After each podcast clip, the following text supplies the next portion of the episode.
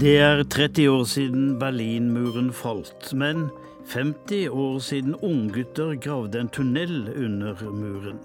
Og fortsatt fins det folk som savner Berlinmurens tid.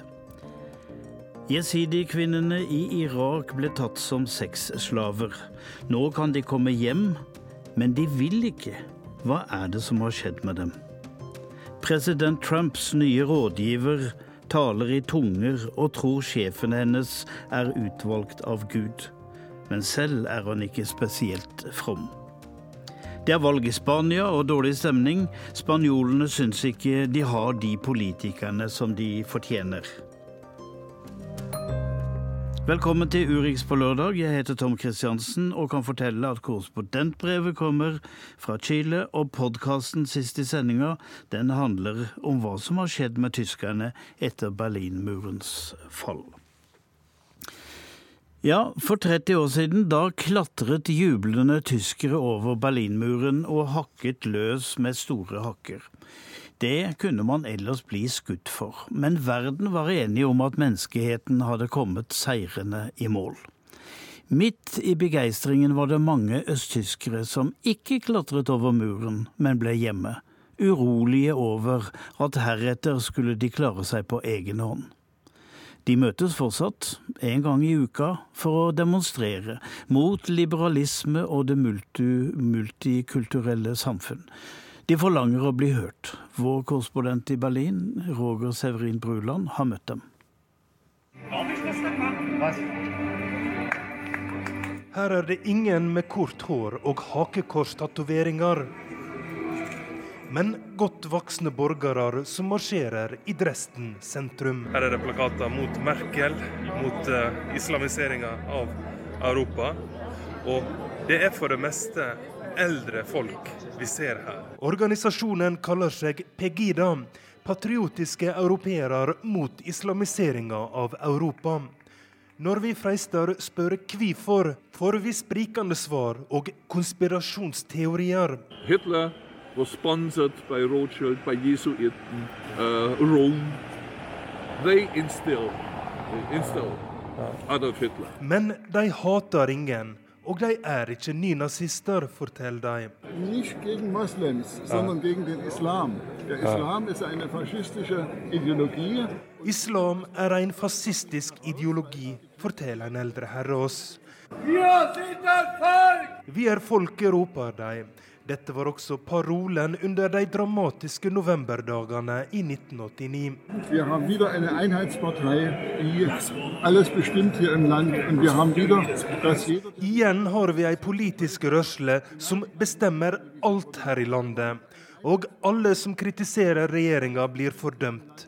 Det er samme situasjon som før muren faller, forteller mannen oss, før han haster videre. Slutten på den kalde krigen skulle bli begynnelsen på ei opplyst og liberal tid. Demokratiet hadde sigra, og det var slutten på historia.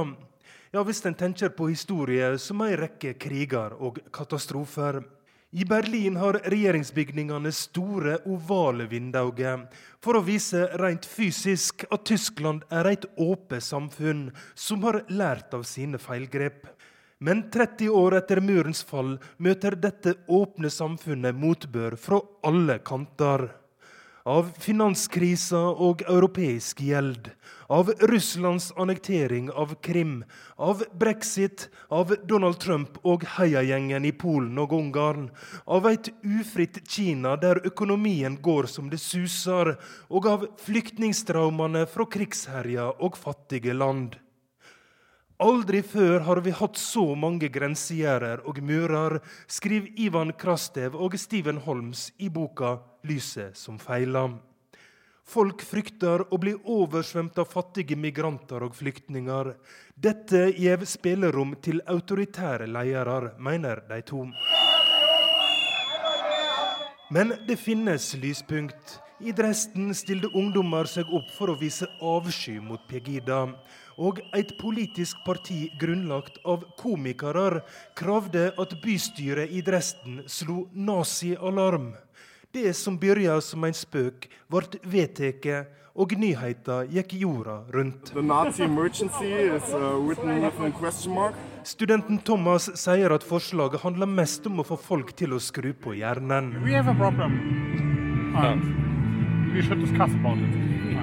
Det er en helt nødvendig debatt, skyter kameraten Johan inn fra sidelinja. For når en står og ser inn i de store vinduene i kanslerbygningen, presser det seg fram et spørsmål. Er denne åpenheten bare en illusjon? Der alt framtidshåp den 9. november skapte, har kvarvet vekk i politiske realiteter.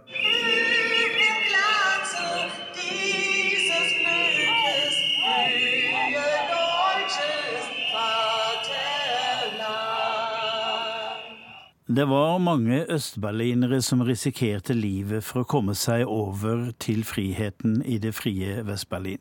Mange tok store sjanser, og minst 130 østtyskere døde i forsøket. Marit Kolberg forteller om noen av dem som lyktes. Mein Name ist äh, Hubert Holbein und ich bin 1963 von Potsdam aus nach Wannsee schnorchelt, geschwommen, geflüchtet und habe dann Robert Holbein forteller om flukten for over 50 år siden. En kald novembernatt i 1963 la han på svøm. Han og noen venner hadde planlagt flukten lenge. De hadde trent med dykkerdrakt og blybelte på hvordan de skulle klare å svømme stille, stille i det kalde vannet. Da Hobert gled ut i den kjølige Jungfernsee, visste han at grensevaktene ville skyte hvis de fikk øye på ham. Han skulle svømme i 1,5 kilometer over til Vest-Berlin.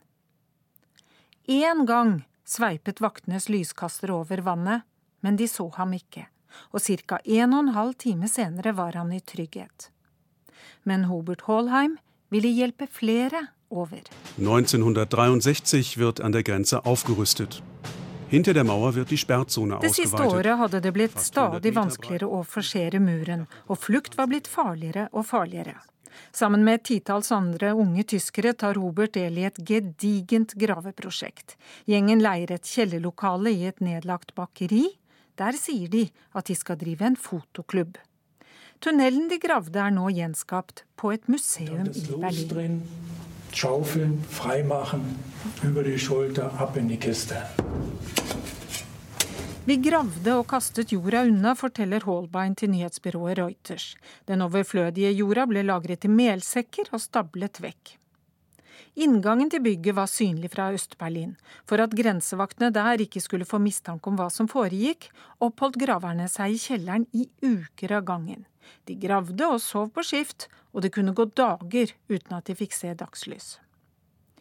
De var ikke helt sikre på hvor de ville ende opp på den andre siden av muren. Og det gikk ikke helt etter planen heller, forteller en av de andre graverne, Klaus Michael von Keusler. For etter hvert som de hadde nærmet seg Øst-Berlin, ble de møtt av en kjent lukt som ble sterkere og sterkere. De hadde gravd seg fram til en utedo som hadde blitt stående der fra krigens dager. Men nå var de fremme, og flukten kunne begynne. Graverne fikk sendt beskjed til familie og venner i øst. De skulle møte opp ved en bygning i Strelitzerstrasse, og der skulle de hviske et kodeord, og så skulle man vise dem veien til tunnelen. Og dann gab es natürlich das, äh, das, das äh, bekannte und berühmte Codewort Tokyo. OL var i Tokyo dette året, og det var kodeordet for å komme seg til Vesten også. Hubert Hallbein var der også, tilbake i øst etter et år i vest og han tenkte med seg selv at det ville være dobbelt så ille om det skulle skje noe med han akkurat der nå. Den kom min Mutter. Sie kam auch über den Hof und sie hat mich Gott sei Dank nicht erkannt, denn das wäre auch dramatisch geworden. Så kom moren min gående over plassen. Hun var litt nervøs, men gudskjelov kjente hun meg ikke igjen der og da. Det kunne blitt dramatisk, sier han. I løpet av to korte dager fant 23 menn, 31 kvinner og tre barn veien ut av Øst-Tyskland gjennom denne tunnelen før politiet avslørte fluktruten. Grensepolitiet hadde nemlig fått mistanke om at det var noe i gjerdet ved bygningen som plutselig fikk så mange besøkende. To offiserer i sivil ruslet bort, og de forsto raskt hva det var som foregikk, og fikk varslet kollegene sine. I sammenstøtet som fulgte ble en ung grensevakt skutt og skadet. Han døde senere på sykehuset. Og generalsekretær Erich Honecker utpekte agenter fra Vest-Berlin som de skyldige. Vi klager de handlanger an, de der Strafe nicht entgehen werden. Først i 1989 ble det kjent at det var skudd fra en av mannens politikolleger som hadde truffet ham. Både Hubert Holbein og moren kom seg inn i Vest-Berlin. I dag henger det et bilde av henne utenfor museet, og hun smiler lykkelig der noen rekker henne en hånd og trekker henne opp fra tunnelen og i sikkerhet.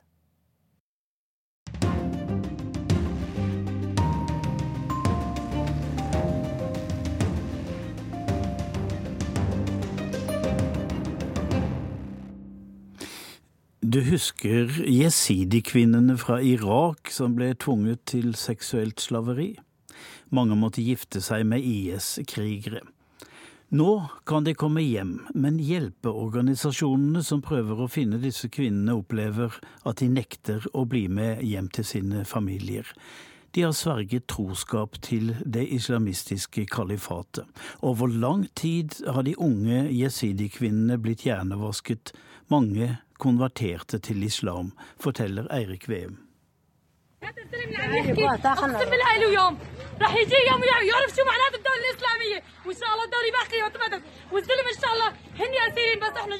Kvinnen er sint og opprørt. Hun veiver med armene mens hun snakker, dels til fotografen og dels til en gruppe kvinner og barn hun står sammen med. Kvinnen forteller at terrorgruppen IS ikke er utryddet. De kommer tilbake, og det er mye sinne som snart skal slippes løs. Alle kvinnene bærer helsvart nikab. Det er kun øynene som synes. Dette opptaket er gjort inne i Al-Hol-leiren nord i Syria for vel en uke siden. De har nettopp fått vite at IS-lederen Abu Bakr al-Baghdadi er blitt drept i et amerikansk kommandoangrep.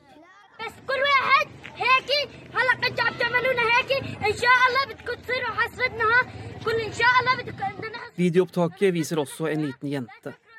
Hun har på seg et skaut og en kjole. Jentungen er, som de andre, sint og vifter med pekefingeren mens hun ramser opp argumenter på hvorfor terrorgruppen IS ikke vil forsvinne. Hun er et barn. Ideene hun har om terrorgruppens rett til å eksistere, har hun sannsynligvis ikke funnet på selv. Det er noen voksne som står bak og bestemmer hva hun skal mene og hvilke holdninger hun skal ha. Sannsynligvis har dette barnet aldri fått noen alternativer. Inne i Al-Hol-leiren og i opprørskontrollerte områder i Syria finnes det tusenvis av kvinner som var tilknyttet terrorgruppen IS på ulike måter. Noen av dem var kommet dit frivillig, andre var hentet dit med makt. De ble slaver, og mange av dem tilhørte jesidi-minoriteten i Irak. Disse kvinnene ble tvangsgiftet bort til IS-krigere og levde i et seksuelt slaveri. Kvinnene måtte fungere som koner, de skulle føde barn og pleie sine ektemenn. Jesidi-kvinnene som ville overleve, måtte også konvertere til islam. Etter at IS kollapset, startet jobben med å få jesidi-kvinnene ut og hjem til sine familier. En av dem som ledet dette arbeidet, var Abu Suja. Han var med på å hente ut hundrevis av kvinner, blant dem fredsprisvinneren Nadia Murad. For noen dager siden ble han intervjuet av NRK-kollega Mohammed Alayobi. Hallo. Hallo, marhaba. Anna Mohammed. Surja forteller at arbeidet er blitt vanskeligere. Han sier at mange av jesidekvinnene som fortsatt lever, var svært unge da de ble tvunget inn i IS, de fleste mellom 10 og 13 år. Over tid har de blitt lojale til terrororganisasjonen og til sine ektemenn. Mange av disse kvinnene befinner seg nå i interneringsleire eller i opprørskontrollerte områder. De som forsøker å hente ut jesidikvinnene, opplever nå at de rett og slett ikke vil hjem til sine tidligere familier i Irak. De er blitt en del av den islamske staten, de har sverget troskap til IS, og nå vil de leve videre i drømmen om et nytt kalifat.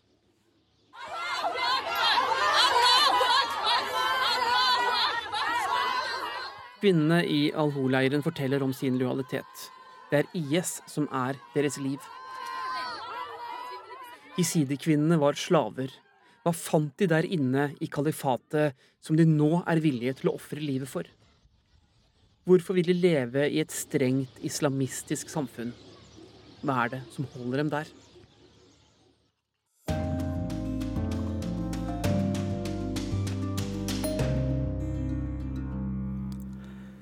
Konservative kristne i USA er president Donald Trumps kjernevelgere.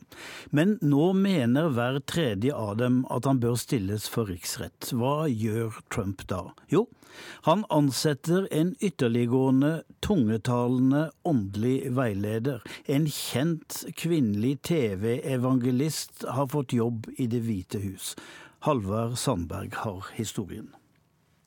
So, right now, let every demonic network that has aligned itself against the purpose, against the calling of President Trump. Det er Paula White du hører, den åndelige rådgiveren til president Trump.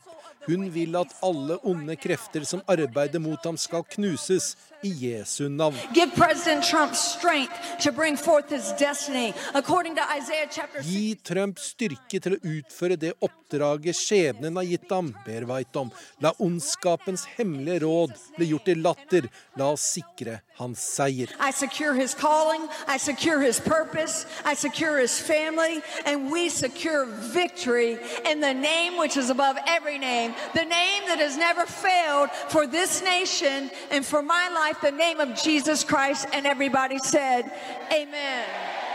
I got a phone call. He was watching Christian television and he called up and said, Hey, you're fantastic. Paula White forteller om den dagen i 2002 da Trump ringte henne. Han hadde sett henne på TV. Under samtalen skal han ha gjentatt setninger hun hadde brukt under sendingen. Forholdet mellom de to utviklet seg. New York Times skriver at han deltok på bibelstudier hun arrangerte.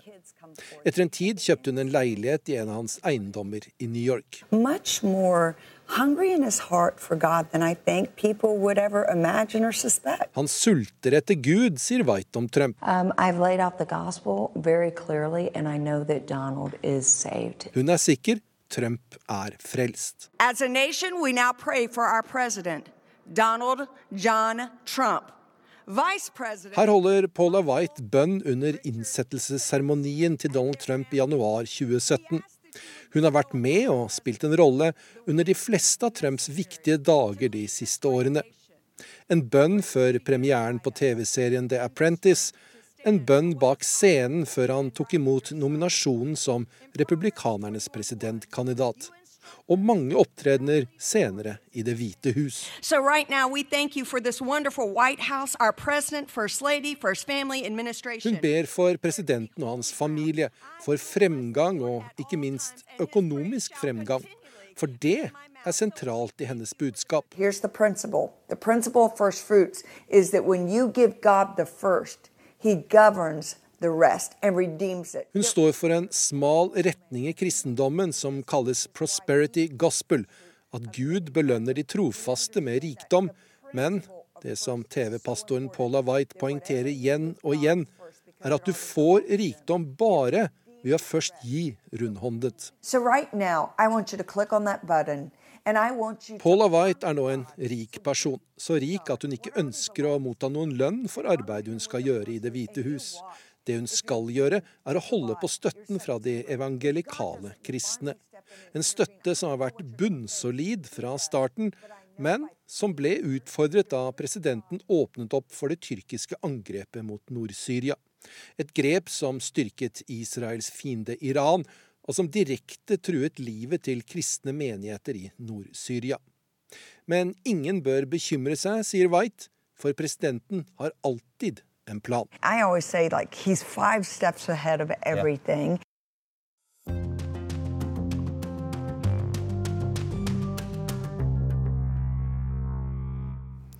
I morgen går velgerne i Spania til urnene igjen for fjerde gang på fire år. Ja, de har hatt valg en gang før i år også. Spania er et viktig EU-land med 50 millioner innbyggere, men innbyggerne er frustrert. De har politikere som ikke klarer å samarbeide. Spania er mer splittet enn noen gang i sin moderne demokratiske historie. Vår korrespondent Philip Lote følger innspurten i Madrid og var til stede på det avsluttende valgmøtet til det ytre høyrepartiet VOC.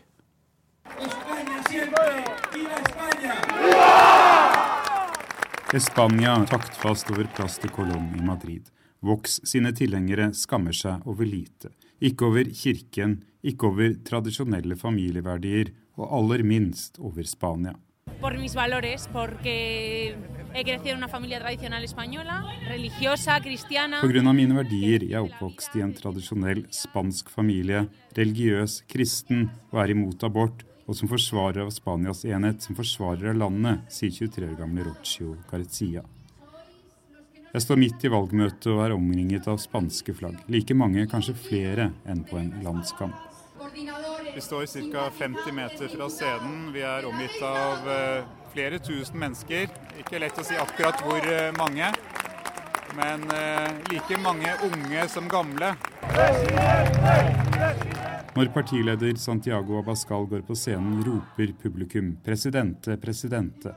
Det er selvsagt han tilhengerne ser for seg som statsminister. Det er jevnt i oppløpet.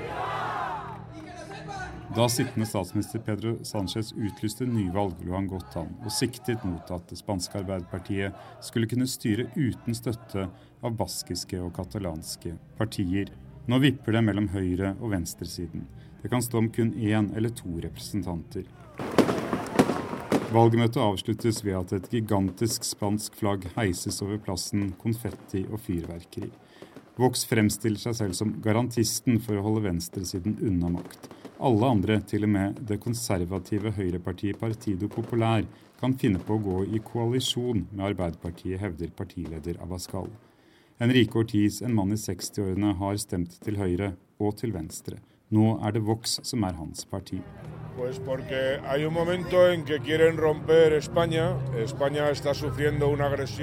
Spania blir overfalt, vi er utsatt for et kupp og rammet av separatistiske spenninger i Catalonia. For meg er det Vox nå, og for en god stund fremover, sier Enrique Ortiz. Nos une básicamente la defensa de la nación, entre otras cosas.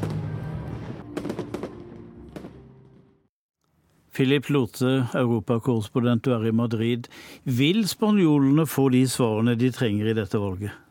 Ja, Det heter jo at uh, velgerne får de politikerne de fortjener, men spanjolene mener at uh, uh, rett og slett at de politikerne de velger, ikke gjør den jobben de skal gjøre, og ikke evner å omsette det mangfoldet av politiske ideer og forskjeller som da kommer til uttrykk i valget, i noe som kan gjøre at man får en styringsdyktig regjering. og Svaret er nei. Det er høyst usikkert om dette valget gir eh, Eh, noe styringsdyktig flertall i Spania. Altså, du har jo nå vært og besøkt eh, Vox, det høyreekstreme partiet eller høyrepartiet. De kan komme til å doble antallet representanter i nasjonalforsamlingen. Hva, hva er det som gjør det? Det handler ikke kun om at uh, de kommer til å få så veldig mange flere stemmer, men de kommer til å få en god del flere stemmer som gjør at i de små valgkretsene, uh, hvor man får liten uttelling hvis man har 10% av stemmene, men hvor man får veldig høy uttelling hvis man får 15% av stemmene, der kan de nå få et gjennomslag. Dette er små valgkretser som ligger uh, ute på landsbygda i Spania, som ofte er konservative, og som nå er ganske oppgitt og lei over situasjonen i, i Spania. Der kan Vox gå frem, og da kan plutselig ytre høyrepartiet Vox uh, være de som avgjør uh, dette valget og vippe dette til fordel for høyresiden. Det er ekstremt jevnt. Det kan stå om én eller to kandidater, om det er venstre- eller høyresiden som er best uh, posisjonert etter at opptellingen er ferdig. Men nå, nå var det jo et valg i slutten av april. Er partiene på samme sted nå som de var den gang? Det er noen skifter. Eh, det største konservative høyrepartiet, Partido Popular, som da er et av de to eh, partiene som tradisjonelt har styrt Spania eh, etter at de gikk tilbake til demokratiet etter Francos død, har prøvd ved forrige valg å gå litt til høyre, altså i retning av Vox, for å demme opp for lekkasjer dit. Nå har den unge partilederen anlagt skjegg. Han prøver å virke litt mer voksen. Han har kommet kvinnesyn, altså Han har moderert sitt kvinnesyn, som var litt mer tradisjonelt og gammeldags i det forrige valget. Han uh, har nå uh, fremmet likestilling litt mer. Han har gått litt mer mot sentrum for å demme opp til lekkasjer til uh, Arbeiderpartiet. Men også Arbeiderpartiet har flyttet seg mer mot sentrum. Så det er et valg hvor du ser at ytterpartiene prøver å ta stemmene til ytterst, mens Høyre og Arbeiderpartiet kjemper en knallhard kamp om de, de, aller fleste velgerne, som da tross alt fremdeles ligger i sentrum. Eh, det er november, og det er ikke godt vær overalt i Spania. Folk er trøtte og frustrerte. Kommer de til å stemme i morgen? Det er det man er litt usikker på. Spanjolene eh, er glad i demokratiet sitt etter eh, de fikk det etter diktatorens Francos død. Eh, det litt rare er at det ofte er de lengst til høyre som er de mest lojale velgerne, og som går til urnene, mens venstresiden, når de er misfornøyde, kan la være. Og så er det også lov til å stemme blankt i valget. Og det blir sagt at opptil 35% av velgerne enten kommer til å la være å stemme eller å stemme blankt. Og kanskje en lekse til partiene her er at eh, de ikke skal utlyse nyvalg før de på forhånd har avklart å avtale eh, allianser. Eh, Philip Lote, der, der må vi sette strek. Eh, der må vi sette strek. Vi hører fra deg igjen.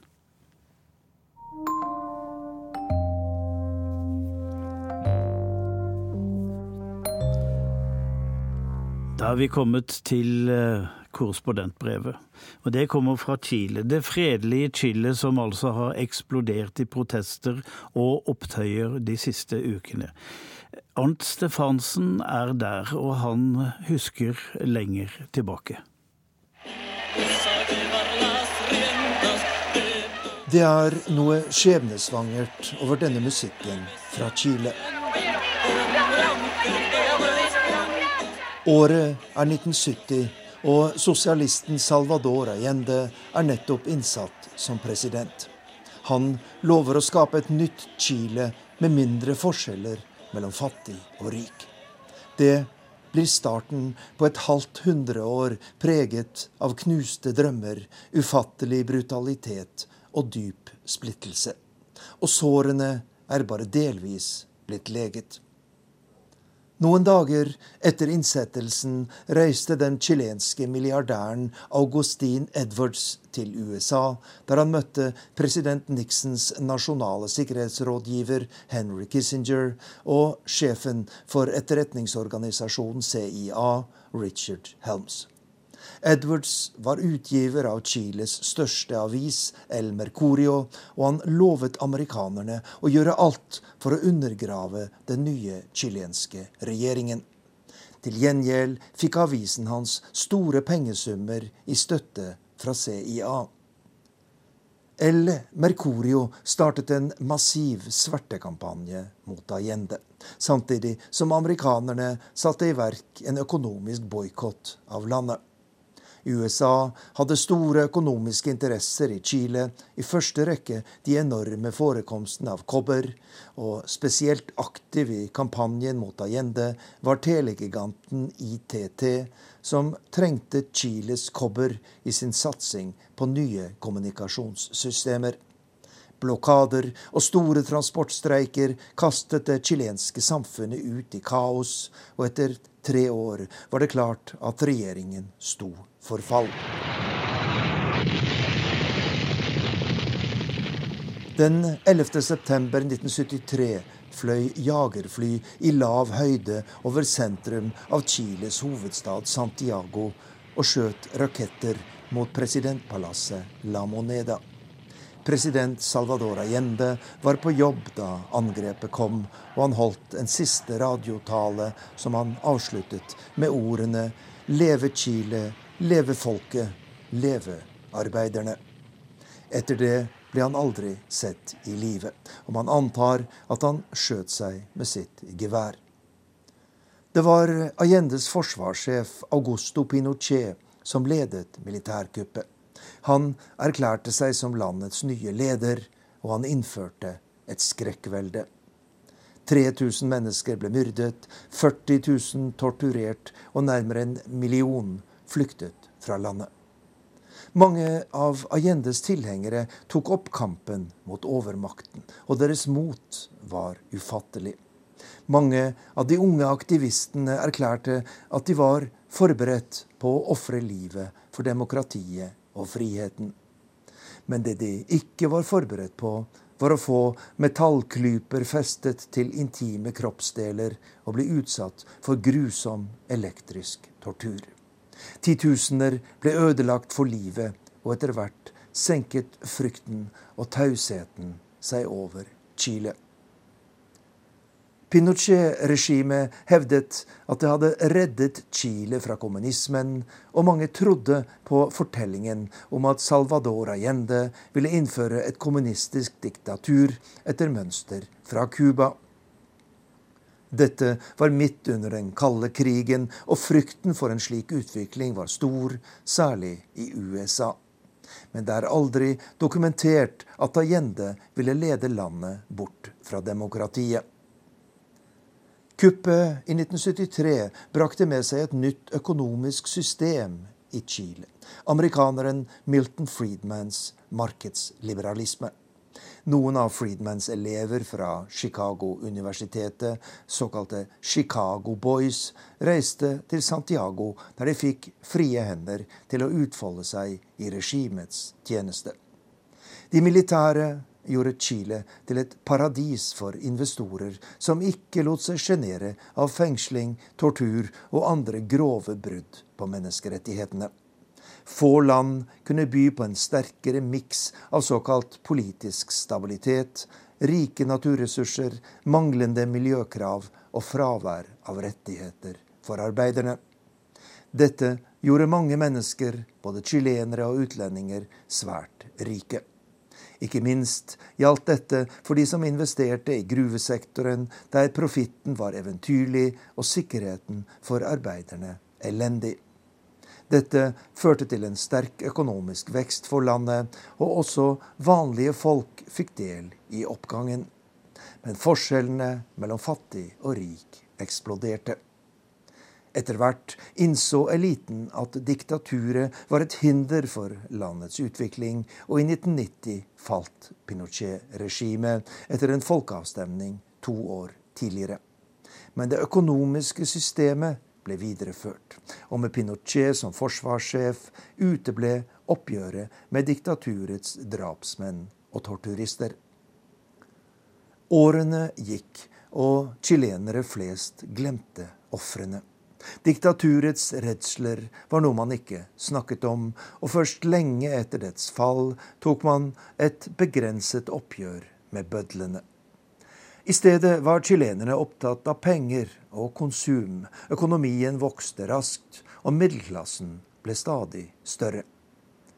I 2008 var jeg på reportasjetur i Chile sammen med en norsk regjeringsdelegasjon.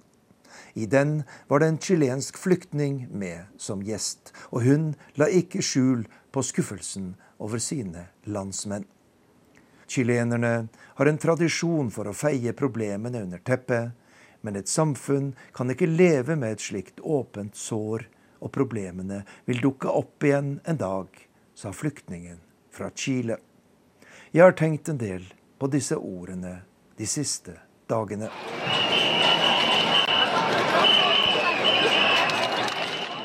I midten av forrige måned eksploderte Chile i masseprotester, opptøyer og plyndring. Og mange undret seg over hva som skjedde i dette stabile, demokratiske og relativt rike landet. Det viktigste svaret er at vanlige chileneres drøm om rikdom stanset på halvveien. Den veien de hadde fulgt, var en blindvei, en ultraliberal illusjon om at full privatisering og et marked uten begrensninger skulle skape det gode liv for alle. Det er diktaturets barnebarn som nå gjør opprør i Chile. Frykten for de militære er borte. Vi er ikke redde, sa folk jeg snakket med under protestene. Det var sterkt å oppleve deres mot og begeistring, men jeg kunne ikke unngå å tenke på de unge i 1973 som sa det samme, og som fikk en så fryktelig skjebne. Hva vil vi i fremtiden kalle dagens opprør? Den eh, chilenske våren, eller noe langt mindre hyggelig? Vi skal tilbake til Berlin og feiringen av murens fall. Hva har skjedd med tyskerne siden de 30 siste årene? Det handler podkasten Krig og fred om. Har du med deg en stein i studio i dag, Tore? I dag har jeg med meg en stein. En liten betongbit min egen lille bit av verdenshistorien. Oh, Berlinmuren. Ganske riktig. En bit av Berlinmuren som jeg hakka løs sjøl som 17-18-åring og tok med meg hjem igjen. Og tenk, nå er det gått 30 år siden Berlinmuren falt. Og verden ble liksom aldri den samme igjen. Gjorde ikke det. Men hvordan har det egentlig gått med Berlin, og med tyskerne etterpå? Du hører på Krig og fred med Tove Bjørgaas og Tore Moland. Jeg sitte her? Ja. Oi, er dere murstein her? Jeg har pynta litt i anledning dagen, da. du skal ikke bygge en mur mellom Vi skal ikke bygge en mur mellom programleder og intervjuobjekt. Kein Halten an der Mauer. Die Ostberliner nahmen Vorschuss auf die neue Freiheit und machten einen abendlichen Ausflug nach West-Berlin. Hvor gammel var du da muren falt, Kai? Jeg var 13 år gammel. Ehm, da muren falt. Og jeg husker fortsatt denne kvelden hvor vi satt i stua, mamma, pappa og jeg, og så på TV. Så på hovednyhetene på kvelden. Uh, og at det ble en sånn merkelig stemning. Fordi vi som familie har egentlig aldri hatt sånn forbindelse til Øst-Tyskland. Vi hadde ikke noen familier i øst og sånn, som mange andre. Så man, man hadde en litt sånn klisjé, stereotyp preget forhold til DDR og de bak grensen og alt det da. Litt sånn fordommer også. Men jeg husker når eh, vi så på dette, at uh, mamma og pappa var stille, og at pappa sa nå, nå ble ting annerledes. Dette er stort. Jeg er Kai Hannorsvint, og jeg er medieviter ved Høgskole Kristiania. Og jeg er tysk, født i Frankfurt am Main. Men hva besto de fordommene, den forestillingen man hadde om livet på den andre siden av mm. jernteppet, på den andre siden av muren? Ja, når jeg ser tilbake i dag, så må man jo si at dette var rett og slett preget av en sånn kald krigspropaganda òg. Altså vi i Vest-Tyskland var jo preget på godt og vondt av en amerikansk kontekst. Vi fikk speilet det er um, gjennom dette. Sånn, da satt på en måte fienden, dette var litt sånn det skumle Sovjetunionen ikke så langt unna, og man måtte passe seg, og folk ble skutt ved grense osv. osv. Um, og så litt enda mer sånn folkelige, enda dummere ting. At man gjør det nær av østtyske dialekter og sånn. At det sto for folk som var kanskje litt late. Litt sånn tilbake, at de gleder seg over å få tak i en banan og sånn. Altså litt sånn underste skuffen, som vi sier på tysk, eh, med, med fordommer. Ja. Men når muren så faller, klarer man å kvitte seg med et sånn sett med fordommer nærmest over natta, da? Eller blir de med videre? Ja, jeg tror de ble med videre, og de uh, henger med til i dag, vil jeg også si. Selv om 30 år senere har vi jo kommet langt, og vi har også opplevd uh, hvordan folk hadde dette, mye nærmere og sånt. Men jeg vil si at uh, dette fortsatt preger litt hvordan vest- og østtyskere snakker sammen. På hvilken hvis, måte da? Hvis de snakker sammen. Ja, at man har At det er kanskje en slags arroganse fra Vest-Tyskland. At man har vært på den riktige siden. Uh, og når man ser på hvordan Øst-Tyskland ser ut i dag, at dette speiles helt konkret i en virkelighet. At uh, det fins en, en, oppfatning i østtysk befolkning at uh, landet vårt er egentlig styrt fra Vesten kanskje litt polariserende å si det, men det er i hvert fall det som mine østtyske venner som jeg nå også har, eh, bekrefter. At man føler seg ikke en sånn herre i sitt eget hus, på en måte. Som gjør det da veldig lett for ja, populister som eh, et parti som AFD, altså Alternativ for Tyskland, høyrepopulistene, å spille litt på det. Og si se, de i Berlin og de i Vest-Tyskland, de styrer dette her, og vi må på en måte få landet vårt tilbake. Hvordan har det så egentlig gått med gjenforeningen? Ifølge tyske myndigheters egne tall føler 57 av innbyggerne i Øst-Tyskland seg fortsatt som annenrangs borgere. Ich glaube, der Kardinalfehler in der Einheit war, dass man auch nach der Wiederherstellung der Einheit am 3. Oktober 1990 nicht nach Artikel 146 des Grundgesetzes eine neue Verfassung. Vi ble ikke gjenforent som likeverdige. Tvert imot ble bare alt som gjaldt i vest, innført også i øst, sier historikeren Ilko Sasha Kowalczyk.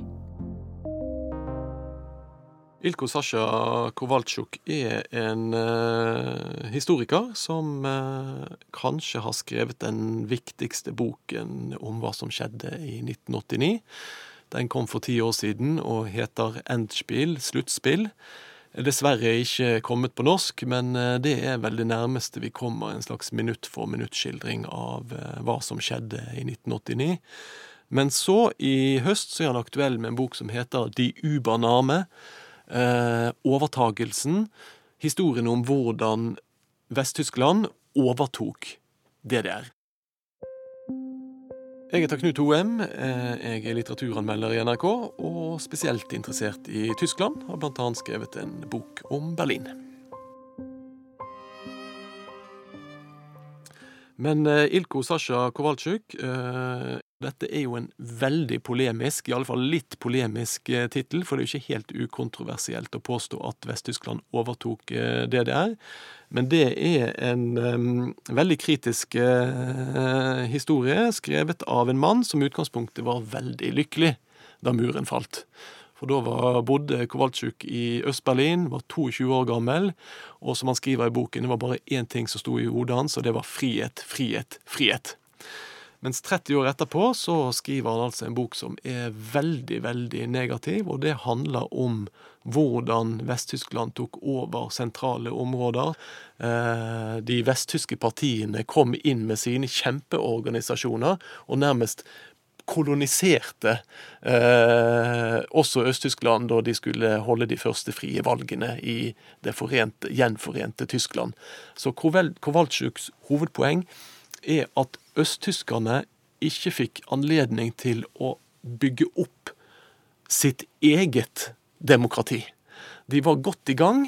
De skapte denne revolusjonen eh, sjøl, men eh, gikk da for en slags vesttysk pakkeløsning på alle felt, istedenfor å sakte, men sikkert finne ut at, av hvilken type demokrati var det de ønsket seg.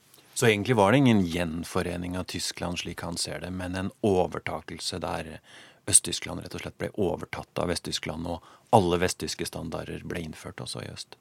Ja, og det er jo en eh, type analyse som er litt sånn nedslående og forstemmende, men som kanskje er nødvendig hvis vi skal forstå hvorfor Øst- og Vest-Tyskland utvikler seg såpass ulikt politisk i dag. Ja, for det er ganske store forskjeller på Øst- og Vest-Tyskland i dag. Fortell oss om det. Ja, det er jo bare å se på f.eks.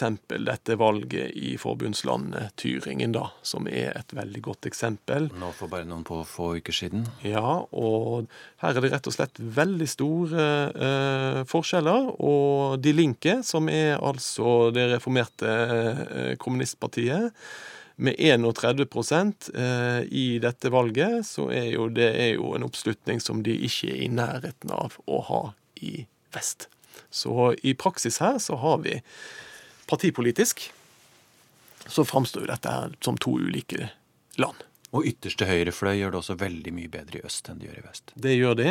Eh, I Tyringen fikk de faktisk hele 23 Men det som slår meg, og som jeg syns er mest eh, forbløffende, det er jo det at det gamle kommunistpartiet, som nå altså heter De Linke, at de faktisk er sterkeste eh, kraften i, i eh, øst, med da i Tyringen 31% av stemmene. Ja, Hva betyr det, da? At folk som levde i det gamle DDR, lengter tilbake dit, eller? Ja, det tror jeg de på mange måter gjør. Litt mer statistikk nå. Denne gangen fra Pew Research Center. I 1991, like etter den tyske gjenforeningen, ga bare 15% av innbyggerne i øst sitt eget liv karakteren sju eller bedre på en skala fra 1 til 10. Nå i 2019 sier 59% av folk i øst at livet står til minst sju. Men fortsatt er folk i vest mer optimistiske til framtida og ser mer positivt på demokratiet og på EU enn de i det gamle øst. Mens i øst er de mindre opptatt av religion, mer skeptiske til minoriteter og mer positive til partiet Alternativ for Tyskland på ytterste høyre fløy. Og en annen eh, ting som kanskje viser at det fortsatt så lever nok muren litt i folks hoder. Det er et, et par som jeg, jeg lagde en reportasje på. Der var eh, hun fra eh, Øst-Tyskland og han fra Vest-Tyskland. Og da de eh, giftet seg, som bare var ja, kanskje i 2016, altså bare noen få år siden, så fortalte de at da de skulle presentere hverandre for for sine respektive foreldre, så, så, var det fortsatt et litt sånn issue. Er dere helt sikre på dette? Og hun kommer jo fra øst, og han kommer jo fra vest, og hvordan skal dette gå? Så det sitter fortsatt i veldig mange. Har det gått bra, da?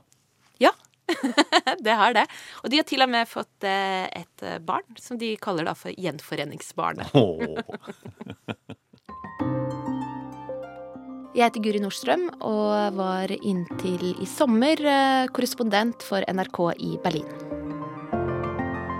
Altså Andre steder i verden så er det fortsatt sånn at uh, mange steder at man uh, kriger og krangler om noe som skjedde på 1600-tallet. Men her har vi altså ganske voldsomme hendelser som skjedde for bare 30 år siden. Og likevel så har man klart å gått videre i fred, og det imponerer meg uh, veldig. Hva er det de har tilgitt hverandre? Altså, DDR-regimet var jo verdens mest perfekte overvåkningsstat, ble det sagt. 97 000 jobbet for eh, Stasi. I tillegg så var det en hel haug som jobbet som såkalte uoffisielle medarbeidere. Og det betyr jo da at uh, det var veldig mange som, når disse Stasi-arkivene ble åpnet, oppdaget at det dem som hadde angitt dem, det var jo folk i deres nærmeste familie, deres beste venner osv. Og, og det at man da, veldig mange av dem, har klart å gå videre fra det, at det ikke er en stor bitterhet som uh, rår, det syns jeg er veldig imponerende. Jeg har flere, flere historier som er ganske sterke rundt det. Fortell. For eksempel um, en venninne av meg som heter Anna. Hennes mor kom da fra Øst-Tyskland.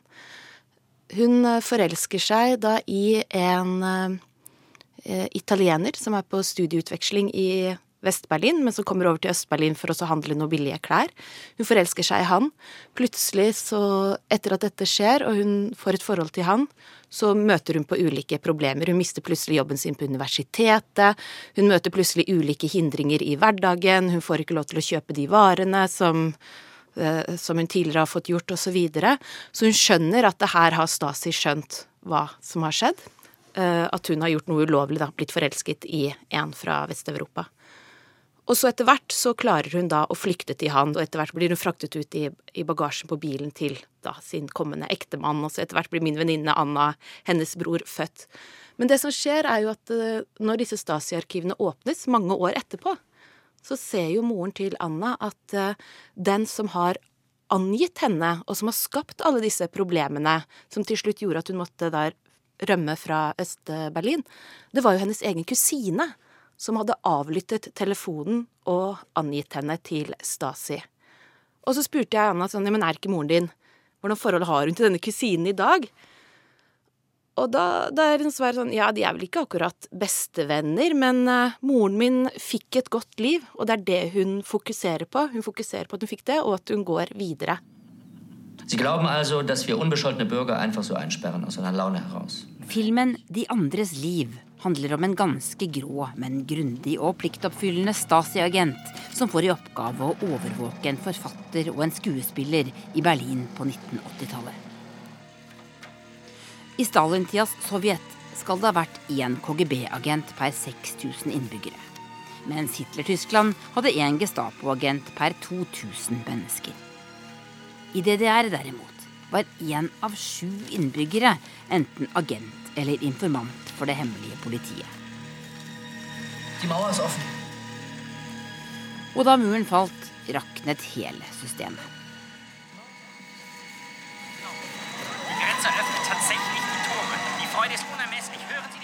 Eh, den filmen den viser også den menneskelige siden ved Stasi.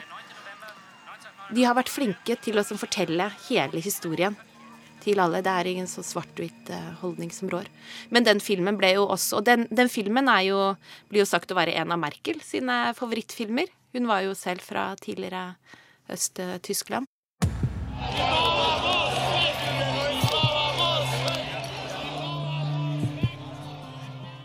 Hvor gammel var du da muren falt, Guri Nordstrøm? Jeg var ni år. Husker du noe av det? Vet du hva jeg husker? Det var at uh, en uh, klassevenninne av meg hun hadde en storebror som hadde vært i uh, Berlin og fått seg en bit av Berlinmuren. Og den fikk ikke vi lov til å ta på. Han gjemte den inn i klesskapet sitt. Men vi pleide å, å liste oss inn der og, og, ta på den i all smuk. Den lå bak T-skjorten hans.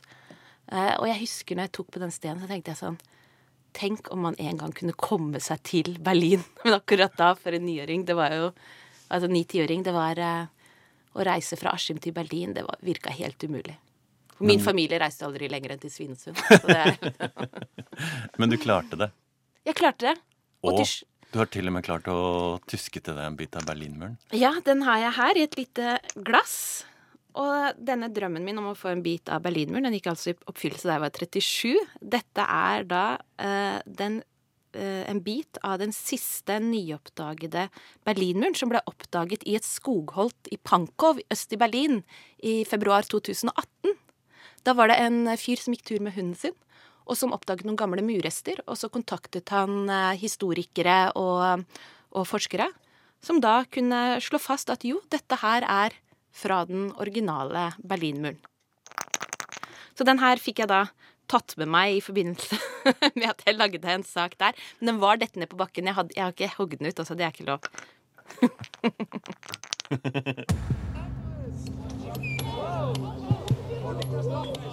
Knut Hoem, hvor gammel var du da muren falt? Jeg var 18 eh, år gammel eh, da muren eh, falt. Jeg gikk i tredje gym utenfor Bergen. Hvordan husker du det? Jeg husker veldig lite. Jeg var ikke på ballen på det tidspunktet. Jeg var vel opptatt av å tenke på hvordan jeg skulle komme meg på den kuleste russebilen. det var torsdag 9. november 1989 at Berlinmuren falt, som vi sier. Altså, privatreisen nach dem Ausland können ohne Vorliegen det som skjedde, var at myndighetene i DDR under press og med øyeblikkelig virkning ga folk muligheten til fritt å reise ut. Gjennom natta ble grenseovergangene åpnet, og folk strømmet over mot vest. Og gikk løs på den forhatte muren med bare nevene. Murens fall betydde også slutten på DDR som eget land. Et snaut år etterpå, 3. oktober 1990, ble Øst- og Vest-Tyskland gjenforent. Vi sind und bleiben eine Nation, und wir gehören zusammen. Karsten, hvordan vil du oppsummere forholdet mellom det gamle Øst- og det gamle Vest-Tyskland 30 år etter gjenforeningen? Ja. Um, jeg vil si at det er to sider til det. Og at man kanskje rett og slett har en slags mistillit fortsatt. At man ikke helt sånn stoler på den andre. Dette er noe man må fortsette å jobbe med. Men på den andre siden syns jeg også det er veldig viktig akkurat nå hvor vi har et sånn jubileum, at vi fokuserer på gleden. På hvor fantastisk dette har vært. At man har fått det til. En revolusjon på det nivået uten at det var stridsvogn eh, i gatene, folk ble drept og skutt. Selveste sammenslåingen etter hvert gikk jo fredfull for seg. Eh, og man møttes i gatene, og man klemte hverandre. Og denne gleden syns jeg egentlig burde vi fokusere litt mer på i dag. Man tenker har vi ikke lært noe, og se her hva eh, de klarte 30 år siden i Berlin og i Tyskland med å rive ned denne jævla muren. Du har hørt Krig og fred, en podkast fra NRK Urix. Lydregi Lisbeth Sellreite.